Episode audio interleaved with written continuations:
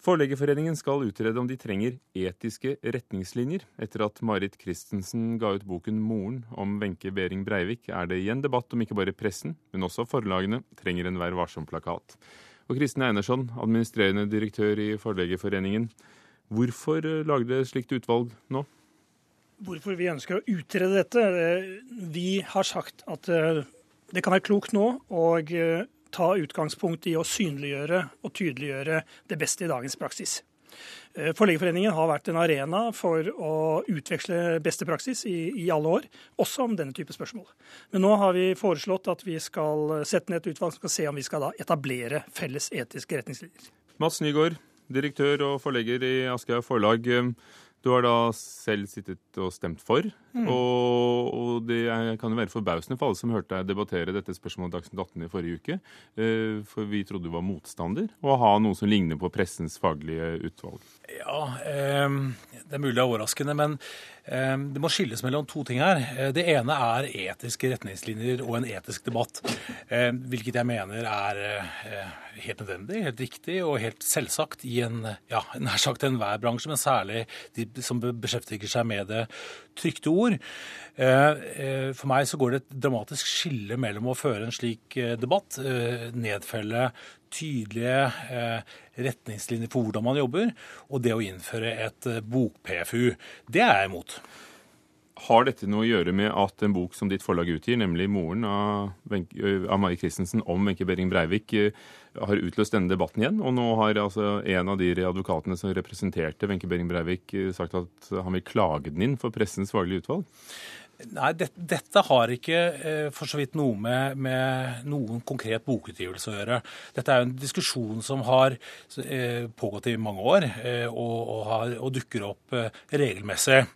Eh, det å ha et eh, omforent og godt syn på hva god etikk er, det, det er et allmenngyldig spørsmål det er blitt eh, aktualisert gjennom bokutgivelser i det siste, det er også en, en kjensgjerning. Men det forandrer ikke mitt eller Aschehoug forlags syn på, på de etiske spørsmålene som ligger i bunnen. Kjersti Røkken Stavrum, generalsekretær i Presseforbundet, som jo har en Vær varsom-plakat og et faglig utvalg hvor folk kan klage. Hva synes du om at Forleggerforeningen eh, setter ned dette utvalget og skal se på noe av det samme, i hvert fall? Ja, jeg synes det høres eh, bra ut, selvfølgelig. Jeg har jo engasjert meg i denne debatten fordi jeg er veldig overbevist om at det å ha etiske retningslinjer er en bra ting. Eh, så er det klart at dette utvalget jo, har jo stor åpning for å konkludere med at forlegger bransjen ikke trenger etiske regler. Men, eh, så da vil jeg gjerne bare benytte anledningen til å, til å si at det, det, er jo veldig mange profesjoner som har etiske regler. Altså advokatene har det, legene har det, forskningen har det. Så, så, det er ikke bare pressen som har etiske regler. Det spesielle med pressen er jo at vi også har dette utvalget. Men jeg syns at det er en god ting å starte forsiktig med et eh, sånt arbeid, og se om det er eh, ting man kan bli enige om som som definerer en, et etisk grunnlag, og, og la, et, la spørsmålet om et, et, eh, fellende utvalg ligge. Eh, og, og, så vil jeg gjerne si at det er nok klokt, tror jeg, å, å ikke knytte dette med etikken opp mot ytringsfrihet. Jeg klarer ikke å se at det å ha etiske regler strider med ytringsfriheten. Derimot så tror jeg at etiske regler avverger unødige krenkelser, og at det er det som er hovedpoenget med å ha det. Begynne i det forsiktige. Kristin Einarsson, hvordan vil utvalget jobbe? Altså Utvalget vil som jeg sa, ta utgangspunkt i det arbeidet som er gjort. Det ligger, altså, vi begynner ikke Men det er ikke gjort noe arbeid ennå? Det er jo bare en praksis her? Jo, f.eks. da i 2009 så hadde vi, hadde vi, også en større utredning av dette. så Det finnes godt av materiell og godt av stoff rundt dette allerede. Så det handler om å ta det opp igjen. Og, og, og egentlig er spørsmålet foredlingen. Skal vi foredle det over i noe som styret vedtar som etiske retningslinjer? Er noe helt annet enn det arbeid som er gjort i foreningen om å etablere etiske retningslinjer. Men du sier det har vært gjort et større arbeid mm -hmm. tidligere. Mm -hmm. Hvorfor ta det opp igjen hvis det da tydeligvis den gangen ble liggende der? da? Jo, Poenget er at eh, vi tror mer på diskusjonen. Vi tror at diskusjonen fremmer utviklingen. Vi er mer opptatt av, og jeg er eh, glad for å høre forslag om at vi ikke skal begynne med å gjøre en vurdering av, av, om man skal bygge uh, opp ulike sånne uh, selvdømmeinstanser. Altså, jeg tror mye mer på det å diskutere fremfor å sanksjonere eller regulere. Og det er en løpende diskusjon rundt dette. Og dette er ikke noen ny diskusjon i år. Altså, du kan nesten si at i nesten hver bokhøst så er det en diskusjon om dette. Og det tar jeg faktisk som et kvalitetstegn på forleggeriet. For den dagen ingen vil lenger diskutere om det er noe som er diskutabelt med det som utgis, så tror ikke jeg vi utfører et samfunnsoppdrag som handler om å være utfordrende. Tar du det også som kvalitetstegn, at det stadig blir stilt spørsmål? Der er ikke jeg helt, tror jeg. Fordi at mitt engasjement bunner jo i nettopp at jeg er urolig på vegne av mennesker som mer og mer blir skrevet inn i denne virkelighetstrenden i norske bøker. Og, og jeg oppfatter at det er veldig tilfeldig og uansett ingenting å peke på. hvis hvis man føler seg krenket i en bok. Jeg har nå hatt flere henvendelser. Det er riktig at vi har fått en anmodning om klagebehandling. Jeg har også en, fått en annen henvendelse til meg. fordi folk ikke vet hvor de skal gå hvis de føler seg krenket av en bok, eh, og de syns det er ganske sterkt å gå til politiet og anmelde det og føre det for retten via en advokat. Og det, Mads Nygaard, når folk kommer til medienes klageorgan med noe som dere i forlagene har utgitt, må vel tyde på at dere det er ikke bare etiske retningslinjer, men kanskje nettopp et sånn type klageorgan hadde gjort seg da, for din bransje òg? Altså Når du nevner mediene, så er jo det et interessant uh, poeng. Altså Mediene fungerer på mange måter som et slags PFU for, uh, for uh, bøkene. Det at vi sitter og diskuterer dette i dag, er jo et uttrykk for at, at, bevisstheten rundt det som skrives og det som omtales, er ganske stor i det norske samfunnet. Og um, jeg, jeg, tror at, at, debatten rundt utgivelse i den senere tid er et godt eksempel på det. At, at, at det er nok av de som, som følger med på, på bokutgivelsene.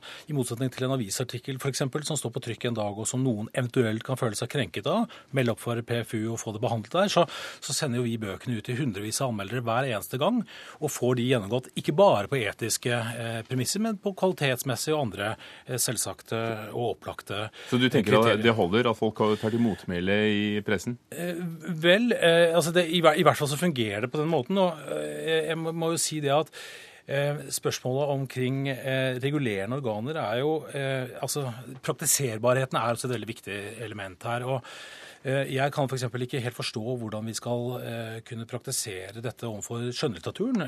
Denne diskusjonen har jo, vært, har jo gått rundt skjønnlitterære bøker også, og det er vanskelig å se at, at man skal kunne regulere skjønnlitteraturen på den måten. Ja, og det mener jeg med skjønnlitteraturen også er jo uinteressant eh, i, langt på vei. Så lenge det er diktning, så er det diktning. Men, men nettopp Det er jo en grense der som kan, eh, absolutt, man kan balansere absolutt. på. Eh, men, men, igjen så tror jeg ikke man skal liksom kjøre hodet i veggen på alle helt eh, kjempevanskelige problemstillinger, men kanskje ta de, de, tingene som er enklest å gjøre, f.eks. innenfor dokumentar og sakprosa. da.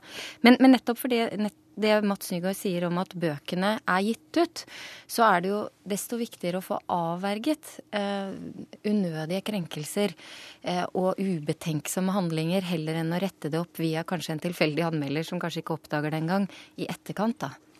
Jeg er helt enig i at eh, det viktigste er jo å gjøre et veldig godt og grundig eh, forarbeid. og Det er derfor vi vil se om vi da skal innføre en, en, eh, en felles tenkning rundt de etiske retningslinjene. Når det gjelder å rette opp, så, så, er det helt riktig at man har et PFU. Men altså, akkurat som med pressen, så, så kan jeg gå til avisen eller til NRK og si at det, jeg er ikke rettmessig behandlet her, jeg vil gjerne ha tilsvarsmulighet. Så går jo en, den som mener at man har behandlet feil i en sakprosabok, bør jo starte i forlaget ikke i retten, og, og snakke med forlaget og som oftest så er jo forlaget da villig til å gjøre endringer der man mener at man har gjort noe feil. Eh, det er vel et godt eksempel for nå. I et annet opplag så gjør man endringer hvis man mener at det som kommer frem, er noe som bør endres. Så det starter der, og så har man jo selvfølgelig rettsapparatet i tillegg. Så det finnes jo muligheter i dag for tilsvar hvis du mener at du ikke er riktig behandlet i en bok. Men nå blir vel en bok eh, ikke alltid trykt i mange opplag, og den blir stående i bibliotekene eh, for ettertiden. Så det er vel kanskje ikke noe å basere seg på? Altså Det er nok bokas form. Det er nok bokas form. og selv om, selv om, vi sier at avisen eh, er eh, gårsdagens avis blir brukt til å pakke en fisk og i, så i gamle dager så er det vel også fortsatt slik at det samme gjelder pressen. altså Det som først er skrevet, er skrevet. Det er korrekt. Men vi har en oppdrag og en oppgave å korrigere der vi kan korrigere. Pressen har jo hatt sin Vær varsom-plakat nå i snart 100 år. Og, eh, og, jeg vil gjerne bruke anledningen til å invitere da, det utvalget til sekretariatet i Presseforbundet for å se litt på de retningslinjene som pressen har.